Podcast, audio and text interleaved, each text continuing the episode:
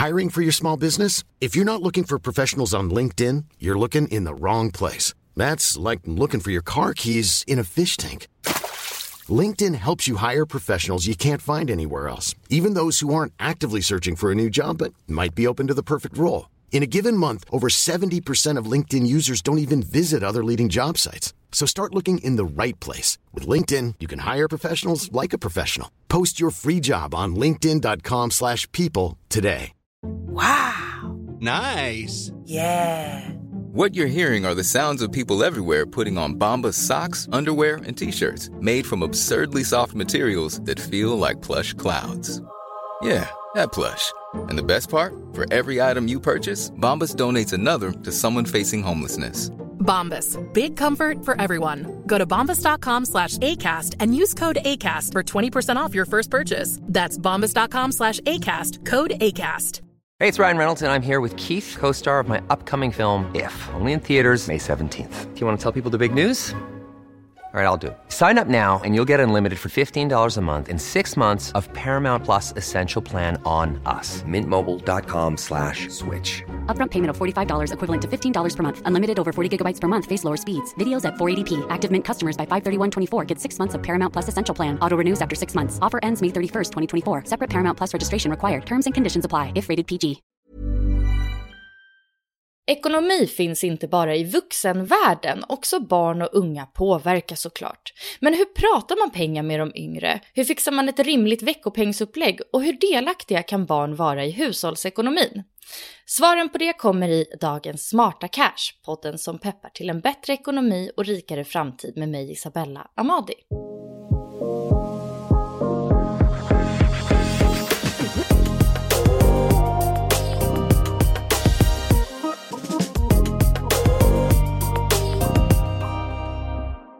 Välkommen till detta avsnitt där vi ska kika närmre på hur vi föräldrar kan inkludera barn på ett bra sätt i ekonomiska frågor. Med mig har jag en kanongäst, nämligen föräldracoachen Fatima Nylén. Välkommen Fatima! Tack Isabella! Vad kul att få vara här. Superkul att få ha dig här. Eh, det är ju ett väldigt spännande ämne det här som ju verkligen berör om man själv är förälder. Eh, och du är ju förutom föräldracoach också kurator och föreläsare. Ja. Eh, ja, och du har ett insiktsfullt och väldigt peppande föräldrakonto på Instagram kan man väl säga, där du sprider både tankar och råd om föräldraskap. Ja, ja men det är kul att höra att det är inspirerande. Eh, jag försöker bidra med det jag kan. Och sen förutom att jag är de saker du nämnde så är jag även förälder till tre barn. Så att jag vet ju också hur det är och vilka utmaningar vi föräldrar står i eh, av egna erfarenheter. Ja, och det känns nästan som ett måste ibland att vara förälder för att man verkligen ska fatta hur det är där på andra sidan. Men en grej som jag tänker på bara med ditt Instagramkonto, det är att du väldigt ofta brukar prata om att man som förälder ska vara ledare eh, för sitt barn. Alltså, vad menar du med det och går det att applicera när man också pratar om ekonomi inom familjen? Ja, alltså jag tänker mycket så här, jag brukar dra de här parallellerna med att vi, eh, jag tänker så här som en chef eh, som bedriver ett eh, ledarskap på jobbet. Man kan, eh, det finns mycket som man kan koppla till föräldraskapet. Hur kan vi vara ledare där hemma eh, och förhålla oss till våra barn som om vi pratar med medarbetare? Eh, och det, det gör ju att vi får ett helt annat förhållningssätt. Så. Men just med ekonomin, ja det beror ju på. Vi kommer väl in, det beror på vad du fiskar efter. Ja, och jag fiskar efter massor som vi nu ska ta upp såklart. Eh, och kanske det mest akuta just, eh, just nu för många familjer är ju den höga inflationen som har varit. Alltså det mesta har blivit dyrare i vardagen. Det är liksom både elen och maten och bostad och det känns rysligt dyrt. Alltså barnet kanske hör att man pratar om de här ökade kostnaderna. Eh, hur tänker du att man ska kommunicera med sitt barn eh, om just det här? Och, och, ja, men precis just det här med ekonomi kan för många upplevas väldigt känsligt att prata om. Det kan vara svårt att prata om, man kan tycka att det är jobbigt. Men jag tänker någonstans att det är ändå viktigt att prata med barn om ekonomi och det är inte farligt. Ehm, det är okej. Okay. Jag, jag, tänker ju tidigt, ju tidigare man börjar och eh, involvera barn och, och lyfta ämnet hemma, liksom ha det i vardagen, desto mer blir ju barn vana vid det. Eh, och, och det är okej okay att prata om att det är tuffa tider nu, det är svårt, eh, men ändå samtidigt vara den vuxna i, i det hela och verkligen lägga ansvaret på sig själv och säga att men vet du vad, det är mitt ansvar eh, och ordna det här. Och inge lite hopp också om att eh, det är tufft nu men, men det, det kan lösa sig i framtiden. Eh, så att man ändå ja, men visar på hoppfullhet. Och... Mm. För det är ju lite typ en oro man kanske själv har att ens barn eh, ska bli väldigt orolig, ta kanske orimligt stort ansvar för situationen. Alltså att den verkligen känner den här pressen som man själv kanske känner. Ja, och det handlar ju då så mycket om hur, ja, men hur möter vi den oron? Eh, hur kommunicerar vi? För att vi, vi, vi tar ibland lätt på oss för mycket och tänker att ja, men jag ska ha svar på alla frågor. Och det har vi inte alltid. Och det är okej att säga så här, men vet du vad, jag vet inte riktigt hur det blir med det här, men, men vet du vad, vi skulle kunna eh, kolla tillsammans. Eh, vi, vi, kan söka efter lite svar. Eh, att man ändå involverar barn i det och att det är okej att inte veta allting. Men jag tänker också att man eh, eh, ja, men invol, eh, involverar barnen tidigt, men också eh, ja, men just när det kommer till oro, att möta dem i oron också. Att, eh, men, eh, ställ tillbaka motfrågor. Man kan ju ställa tillbaka och fråga så här, att, ja, vad, är det du tänker på när du lyfter det här? Eh, vad oroar dig? Berätta. För ibland så tror vi att vi vet vad barnet oroar sig för, men det kanske är något helt annat den oroar sig för. Eh, så att man också tar reda på vad det är. Eh, så. Eh, det, det, kan ju vara någonting, jag tänker så att men, pratar man om att man har det knapert just nu, vi behöver hålla igen lite och vara eh, ja, tänka smart, vara, vara lite försiktiga med utgifterna och så. Då kan ju barnen kanske tänka att men gud, påverkar det här vår semesterresa som vi redan har bokat? Kanske den blir inställd nu? Men det, där är man inte alls eh, än. Så att det är viktigt också att säga, men vad är det som oroar dig? Eh, så. Eller blir mitt läger inställt eller vad det nu skulle vara. Att man ändå har den här dialogen. Ställ de här motfrågorna till barnen. Mm. Gud, ja, för, men det kan ju också hända att man tvingas ställa in typ aktiviteter eller resor och så. Alltså, hur tycker du att man tar upp det på ett bra sätt med barnen då? Ja, och jag tänker barn, de förstår så, de är så med och de, eh, de, de förstår det mesta eh, oftast. Eh, om det liksom inte kanske har gått för långt, men oftast har barnen förståelse om man behöver prioritera. Men återigen det med hoppet, att inge hopp om att det här är just nu, det kan bli bättre sen. Och också eh, eh, ja, men ta med barnen, att de får vara med och också se över prioriteringar. Att, ja, men vet du vad, nu kanske det inte blir att du kan, eh, att ja, det kanske inte blir lägret i sommar, men jag tänkte till hösten, då kan vi göra så här så här. Att man hittar alternativ eh, för att inge lite hopp. Mm.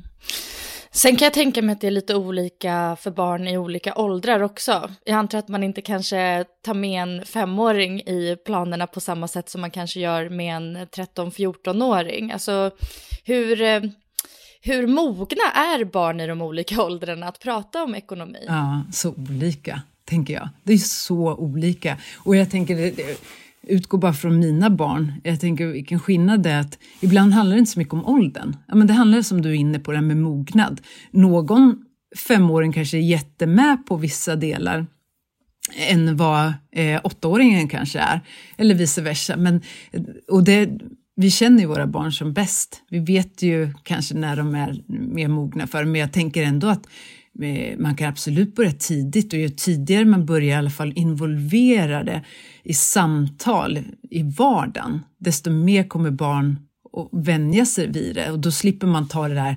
stora eh, samtalet sen när de blir äldre och att man ska lära upp om ekonomi när de redan har börjat få månadspeng och veckopeng och liksom bara slösa bort det utan att veta hur det ska räcka till.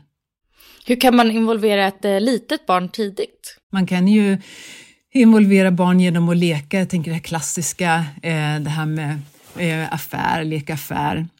Man får känna på pengar, för det är också så svårt, tänker jag, det är skillnad förr när vi använde oss av sedlar, men nu är ju det mesta på kort. Det är så mycket digitalt och det gör ju det så svårt att veta Ja, men det är svårare för barn att förstå att det är konkreta pengar vi pratar om, eh, när det bara är ett kort som vi alltid plockar fram. Eh, det blir så abstrakt. Jag tänkte man kan ju låta barn få träna eh, genom att vara med Alltså när man åker till leksaksaffären, att få vara med och betala i kassan och eh, ett barn är med och tittar eh, så att, jaha, okej okay, hur mycket kostar den här? 249.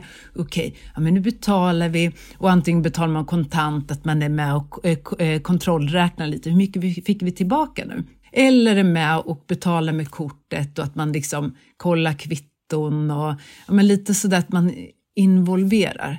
Eh, och gärna innan också, tänker jag, när man eh, går iväg till butiken, att man har en plan där också. Så att, ja, vad är det vi ska köpa? Vad, vad tänker vi att det räcker till idag? Mm. Kan barnen vid någon tidpunkt få börja vara med i familjens ekonomi? Alltså få insyn på the bigger picture? Ja, ja men det tänker jag ju. Eh, det, och verkligen, och ju, ju, äldre de blir desto mer mogna och hänger med och, och sen också vill ha massa egna saker. Och, eh, varför inte? Why not? Jag tror att det är viktigt eh, att man tidigt börjar och involvera barn i samtalen. Man kan ju också berätta också så att var jag får pengarna ifrån som förälder. Jag åker iväg och jobbar och för att jobba så får jag en ersättning för det. Då får jag lön eh, och jag får ungefär så här mycket och sen så har man ju också saker att betala eh, för att kunna bo, för att kunna äta mat och att man liksom, ja, det går att göra det mesta, tänker jag.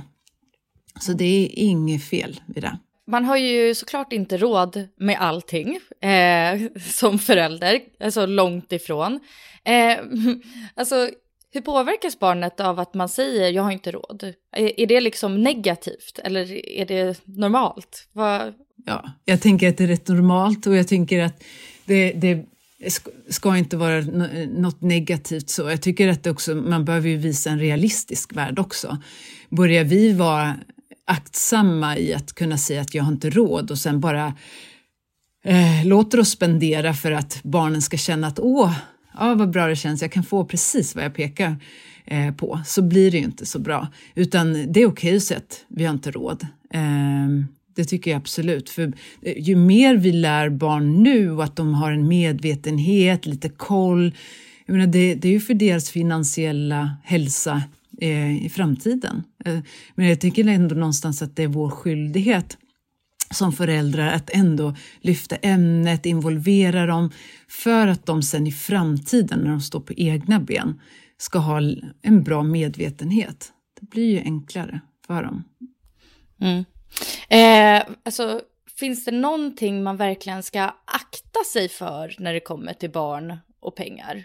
Finns det något no-no liksom? Alltså om man har en extrem ekonomisk kris själv till exempel, alltså man kanske till och med behöver, alltså man kanske behöver flytta för att man har så dåligt med pengar eller man kanske är orolig för att ens kunna betala liksom, ja men så här basic grejer. Eh, ska man akta sig för att ta upp, alltså så, alltså så allvarliga saker? Nej, men det är ju bra att du nämner det. Alltså, ja, alltså, jag, och som vi pratade om innan, alltså, är det ju bra att kunna berätta om, sin, eh, om familjesituationen kring det ekonomiska. Att det ser ut så här och så här. Men någonstans behöver vi också ta ett ansvar i hur vi berättar saker och ting. Eh, och, och jag tänker att vi behöver vara försiktiga så att det inte blir att barnet tar, tar allt för stort ansvar på sig och tänker att gud, hur, hur, kan jag göra? Men jag, om, jag, om jag kanske inte ska be om att få så mycket mellis hemma, då kanske, ja, när det blir lite sådär att barnen och det märker vi också av när barn börjar ta för mycket ansvar, att vi är någonstans ändå där, som jag var inne på, det med inge hopp. För jag menar, vi kan inombords känna oss förtvivlade, men där kanske det är bättre att ventilera med sin partner eller med sin väninna eller eh, något syskon, att man ventilerar med en annan vuxen kring hur, hur jobbigt det verkligen är. Men sen att man ändå lägger upp det inför barn, att men så här och så här, vi behöver skära ner på det här. Att någonstans skilja på så att man inte blir helt överväldigad inför barnen, det tror jag är ändå en, en, eh, en viktig aspekt. Eh, jag tänkte att vi kan titta på eh, tre lite mer konkreta exempel. Eh, jag tog fram några olika scenarier här som du kan få hjälpa mig att hantera på ett konstruktivt och lite ledarmässigt sätt. Eh, det första scenariet är jag själv med om ganska ofta skulle jag säga. En typ 4-5-åring som tjatar om i princip varje sak som det ser i varje butik man går in i. Ja. Det känner jag igen också.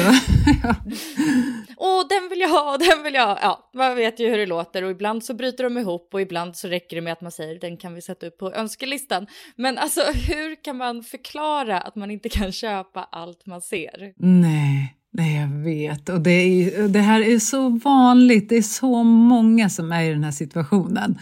Där man liksom ja, går in och så vill de ha, vill ha och man försöker få dem därifrån. Och, eh, ja, man hamnar i mutor och man hamnar i allt möjligt så, eh, för att eh, komma därifrån. Och det är jättesvårt. Det är jättesvårt. Men det, jag tänker ändå att vi kan ju föregå mycket. Vi kan ju förebygga så att det inte blir så stort när vi väl är i affären. För många gånger har vi en bra plan, vi tänker ja men vad mysigt, man kanske går runt där på stan och sen dyker vi upp där i, eller ja, kliver in i en leksaksbutik och tänker men vi kollar lite eller ja, du kanske har en plan för hur mycket det får kosta kanske med en leksak idag och så. Men sen så blir det något helt annat eh, och helt andra förväntningar från 4-5 åringen där. Men här behöver vi ju, och återigen, då, då kan vi ju föregå genom att ha en plan innan.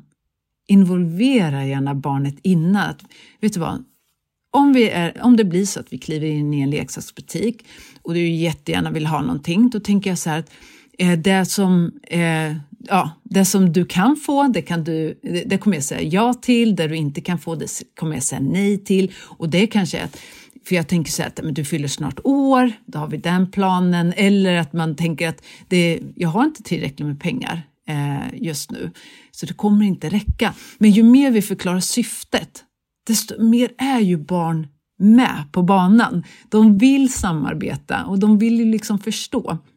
Det, det, så det handlar mycket om att ge dem en förståelse. Då vill de gärna ja, hitta det där sam För många gånger när det blir det här liksom, som vi kan uppleva trots eller det blir att de inte ger sig och man känner att de bara ställer sig på tvären så handlar det ju ofta om att de har inte riktigt förstått. Eh, de är inte där, där vi tror att vi har dem. Så att det, det blir liksom, varför kan jag inte bara få den? Jag fick ju en förra lördagen eller vad det skulle vara. Att, att vi, vi, så ju mer vi kan förklara innan eh, vi tar oss iväg till den där butiken, desto enklare blir det. Och då kan, ni, kan vi ha en gemensam plan att luta oss tillbaka till. Att, kommer du ihåg vad vi sa? Att, vi, att det skulle vara max för 300. Ja, och sen liksom att man eh, pratar mer kring det, så att man har en plan innan. Det brukar oftast hjälpa.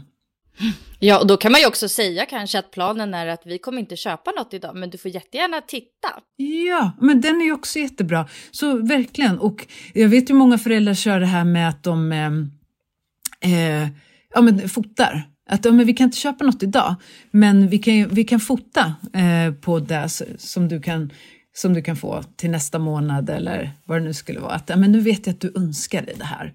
Eh, vi tar ett kort och det, bara det kan lugna barnet lite. Okej, ett eh, annat eh, scenario då. Eh, ett eh, mellanstadiebarn, säg typ 11-årsåldern, kanske 10, 11, 12 där någonstans. Eh, vill ha mer i veckopeng för det har alla andra ju. Eh, hur pratar man om det på ett bra sätt? Ja, och där tänker jag att kanske inte vara så snabb direkt på att säga ja eller nej, utan också ta reda på varför. Okej, okay, hur mycket får de ha? Men vad, vad, vad, vad, känner du att du skulle vinna på att få någon hundralapp mer? Vad, eh, vad, mm, ja, vad vill du med det? Vad tänker du att du skulle göra i så fall? Att lägga lite mer fokus på barnet och barnets behov där. Att, men, vad, vad står det här för att du vill ha som alla andra? För att här bör man ju också tidigt prata om att men, det ser olika ut hos alla. Eh, alla har olika mycket pengar, det ser olika ut i varje familj. Att någonstans att barn får öva på att, eh, att det inte går alltid att jämföra. Även om vi rent liksom, av mänsklighet allt, många gånger jämför oss med andra, men att någonstans förstå att ja, men det är olika med ekonomi. Eh, men varför är det viktigt just för dig? Eh, och då kanske det är så här, ah, men det är för att det, för mig räcker det inte för eh, ja, pengarna räcker inte till den där jackan som jag vill ha och, och eh, ja, men Lisa hon har ju sparat ihop nu tre veckor och kan köpa den där jackan. Okej, okay, är det jackan du är ute efter? Okej, okay. men hur kan vi lösa det istället då? Eh, kan vi göra så att du sparar eh, eh, en extra vecka eller ja, hitta lite olika alternativ. Att, ja, men okej, men om vi gör så här då eh, och sen ja, hitta något kreativt upplägg. Att först liksom ta reda på vad är egentligen behovet? För att det här med alla andra gör, det är en sån här klassisk sak som barn kör med väldigt ofta. Mm. Mm. Är det lite i den här åldern också som så här swish-requester börjar komma? Ah. Vad gör man med dem? Du har ju veckopeng och sen så kommer det ändå swish-requester. Nu ska jag fika här eller nu vill jag göra det här och den här grejen. Där, där, där. Ja, precis som det här med 4-5-åringen så det här behöver vi också föregå. Okej, okay, för att inte hamna i den där liksom eh, swish-träsket att någonstans innan ha en plan att eh, barnet vet eh, var du står i den frågan. Att, att man pratar om det innan. Vet du, är du på stan veckopengarna har tagit slut eh, så vet du att jag kan inte bara swisha dig direkt utan ha en plan nu. Eh, nu inför kommande vecka när du ska få dina pengar. Tänk också hur mycket pengarna ska räcka till och tillsammans gemensamt prata om det. Okej, okay, om du får så här mycket, eh, vad tänker du då? att hur mycket kommer det räcka om du vill iväg och fika eller om du vill gå på bio? Ja, och, ja, prata tillsammans. Vad kostar? Vad kostar ett biobesök? Ja, men vad kostar en latte? Alltså att man pratar tillsammans så att barnet är med lite och förstår värdet i pengarna och vad saker och ting räcker till. Hjälper dem att budgetera helt ja, enkelt. Ja, men precis. Mm. Eh, vi går vidare upp i åldrarna till mitt eh, sista scenario med en tonåring som eh, har en dyr smak tycker man själv då, i form av liksom märkeskläder eller elektronik eller ja, vad nu det här dyra intresset består av. Eh, och trots att tonåringen redan får sitt barnbidrag i månadspeng så vill tonåringen ha mer. Alltså hur hittar man en lösning på det? Ja, och det är lite samma sak tänker jag där, att, att behöva prata om sånt innan. Eh, att okej, okay, Eh, nu blev det ändå att du köpte det här och det här och att diskutera tillsammans. Att okej, okay, men om du vill ha det här, behöver du verkligen köpa Behöver du köpa festskorna då, som du bara kommer att använda en gång? Istället kan du spara de pengarna till den där jackan du hellre ville, ville ha.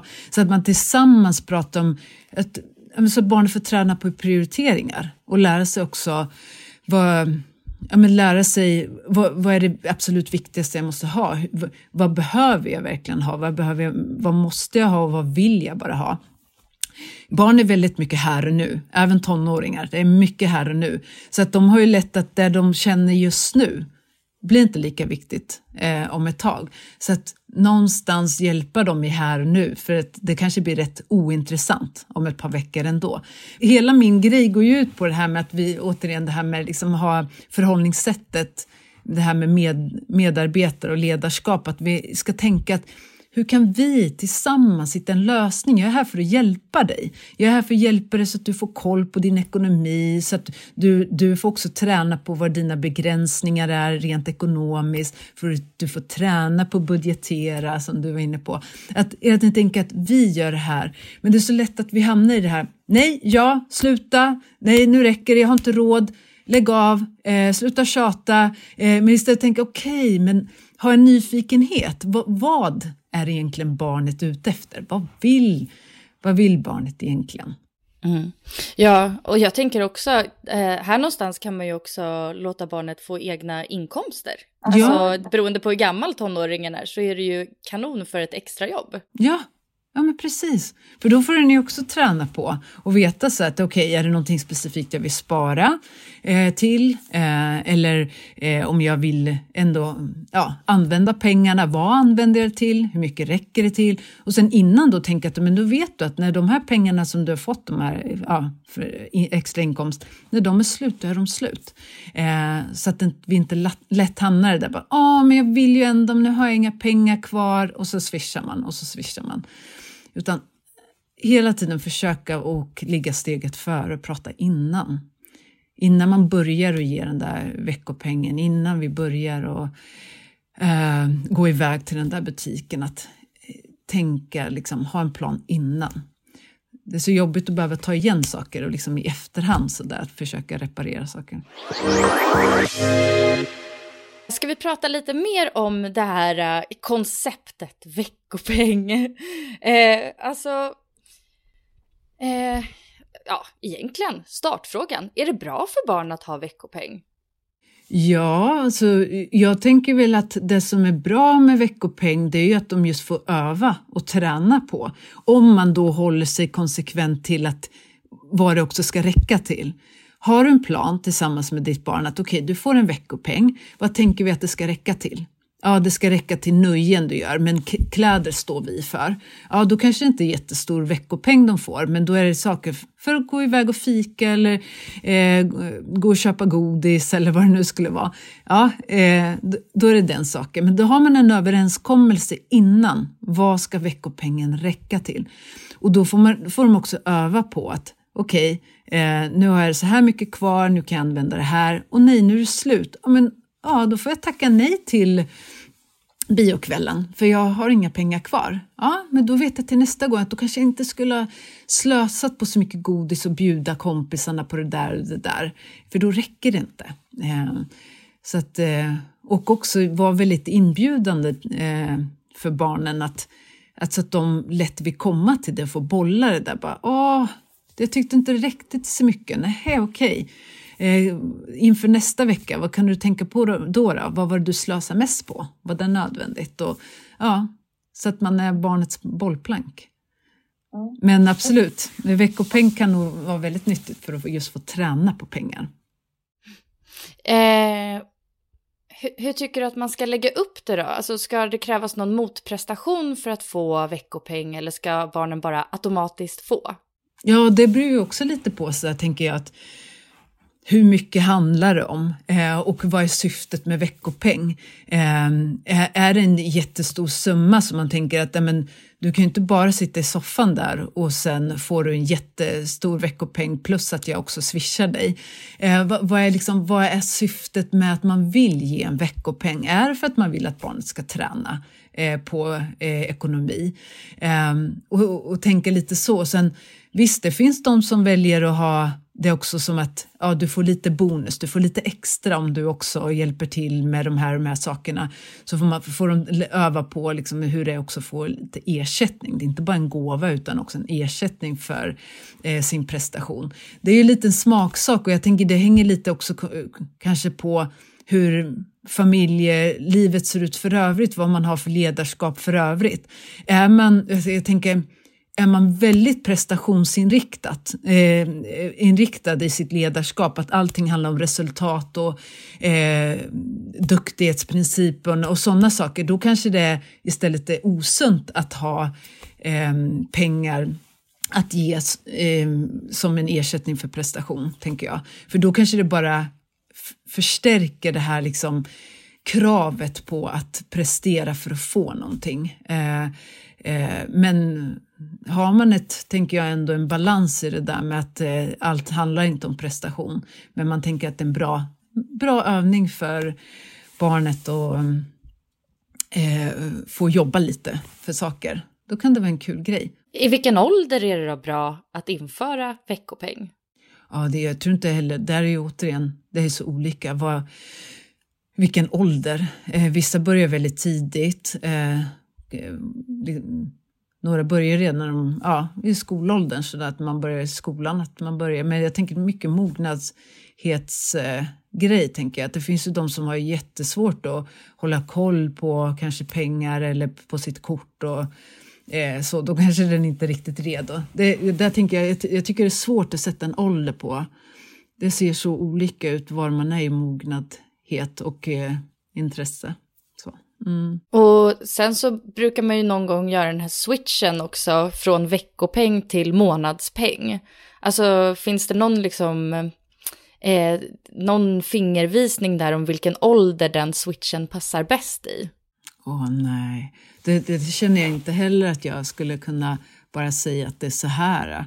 Eh, men det är återigen okej. Okay. Vad, vad var bra med att ha en veckopeng och vad blir bättre med att ha en månadspeng? Är det nu att nu har jag så bra koll så att jag kan över tid sköta min ekonomi bättre och nu har jag faktiskt lärt mig det här och det här och det här. Ja, men då kanske du är redo. Då kanske du är redo för en månadspeng så att det inte blir alltid det här, de här korta eh, ja, eh, pengagåvorna, eller vad ska jag säga. Att det inte blir de här korta intervallerna utan nu blir det lite längre intervaller för att nu ser vi att du kan verkligen hålla i pengarna, du lyckas och, eh, ja, klara eh, nästan hela månaden med den månadspengen du har. Att där får man ju också känna av lite. Eh, vissa börjar väl, väldigt tidigt med det och tycker att det funkar bra. Eh, och andra eh, tycker att det är bättre med veckopeng fram till att man ser att ens barn kan hantera det på ett annat sätt. Mm. Eh, vad, säger, vad tänker du om så här, hot om indragen veckopeng? Alltså det är ju någon typ av bestraffning som vissa försöker sig på. Om du inte plockar upp handdukar från golvet så kommer du inte få hela din veckopeng eller ja, vad det nu skulle kunna vara. Ja, och jag tänker man ska vara försiktig med att köra de där hoten som också kanske bara blir tomma hot. Eh, jag, eh, för det första är jag helt emot hot och bestraffningar och sådana saker. Men just när, när man säger saker, ah, om du inte gör det här kommer jag så här, och så gör man ändå inte det. Och barnet blir rätt avtrubbade av det. Så att det blir det här som man kallar avtrubbningseffekt. Det gör ingen påverkan alls eh, vad vi säger då eller inte. Men, men jag har svårt eh, för det här med att man ska bestraffa med det att man drar in eh, saker och säger men nu kommer du inte få det här. Eh. Ja, men nu blir det inget körkort för att äh, ja, äh, du gjorde det här. Alltså att man, jag, jag, tycker det är viktigare då att prata mer om att barnet lär sig om konsekvenser genom att prata om det. Att, vad, vad drar du för lärdom av det här när det blev så här tokigt? För jag tänker så att små saker. Man har ju de här liksom gnabben med barnen, det här lite vardagliga och det kanske man inte ska göra så stor sak av. Eh, och inte kanske börja koppla det till det här med bestraffningar. Eh, nej, det tänker jag att eh, det, det, det, kan man på något sätt lösa ändå, att man ändå gör det till två separata saker. Sen tycker jag att man ska vara tydlig ändå med sina bes, alltså sin besvikelse eh, och sätta ord på det jag tycker inte att det är okej okay när du gör så här. Det blir inte bra. Jag blir ledsen. Som, jag blir ledsen som förälder där jag känner att jag försöker göra att man ändå vågar sätta ord på sina känslor och uttrycker det. Men att skilja ändå lite på eh, det här med eh, det ekonomiska och sen ja, straff och hot, det, ja, det är inte min lira. Nej. Dags att börja runda av lite. Eh, tänkte avsluta med att fråga om du har några tips på hur man kan inkludera barnen i vardagsekonomin på något eh, liksom, roligt sätt. Ja, alltså det beror ju också sådär på hur gamla barnen är, men jag tänker just med mindre barnen, det är ju mycket mer lek. Eh, eh, leka affär hemma eller vad, vad, eh, få med barn eh, sådär också. Men, eh, vet du, ja, men att man har med barn eh, till leksaksaffären, de får vara med och betala som jag sa, liksom att göra en rolig grej av det. Man kanske eh, vill spara till någon liten sak, ja, men vi kan göra något gemensamt så kan vi spara till det här så går vi, ja men om vi pantar de här eh, flaskorna fram till vi kommer ja, till det här så kan vi åka till leklandet eh, nästa månad eller ja, vad det nu ska vara, att man gör en rolig grej så att barnet är med där och eh, kanske är den som får ansvara lite och, och räkna. Ja, men nu har vi så här mycket och ja, så att det blir en rolig grej. Det tycker jag är jätteklokt Isabella, ja, men, eh, som du är inne på här.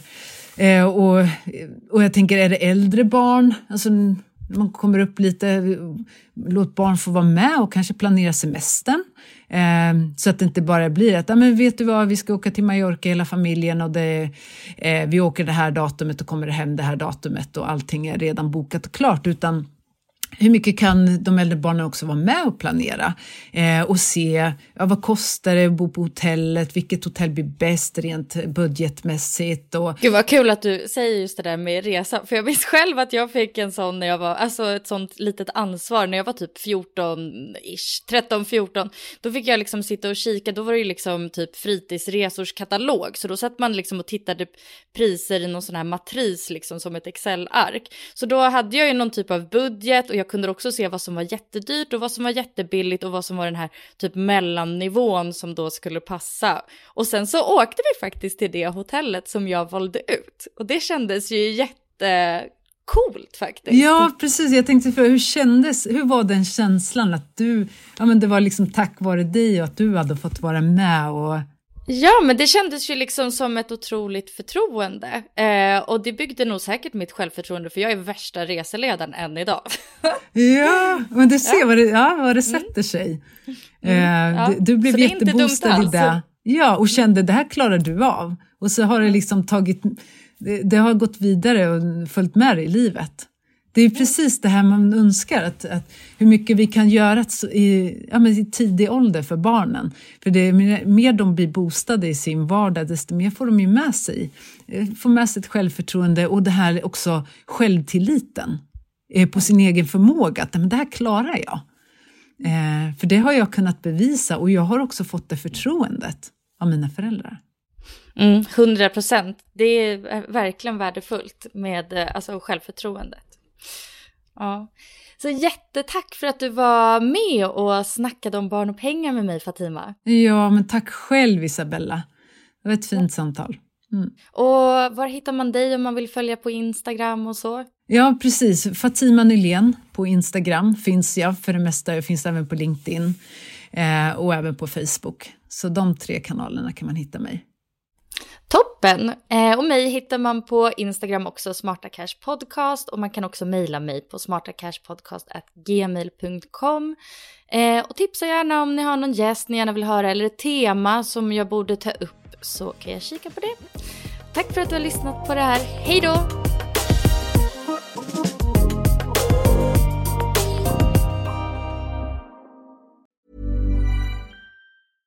Hey, it's Paige DeSorbo from Giggly Squad. High quality fashion without the price tag. Say hello to Quince. I'm snagging high-end essentials like cozy cashmere sweaters, sleek leather jackets, fine jewelry, and so much more. With Quince being 50 to 80% less than similar brands. And they partner with factories that prioritize safe, ethical, and responsible manufacturing. I love that. Luxury quality within reach. Go to quince.com slash style to get free shipping and 365 day returns on your next order. Quince.com slash style.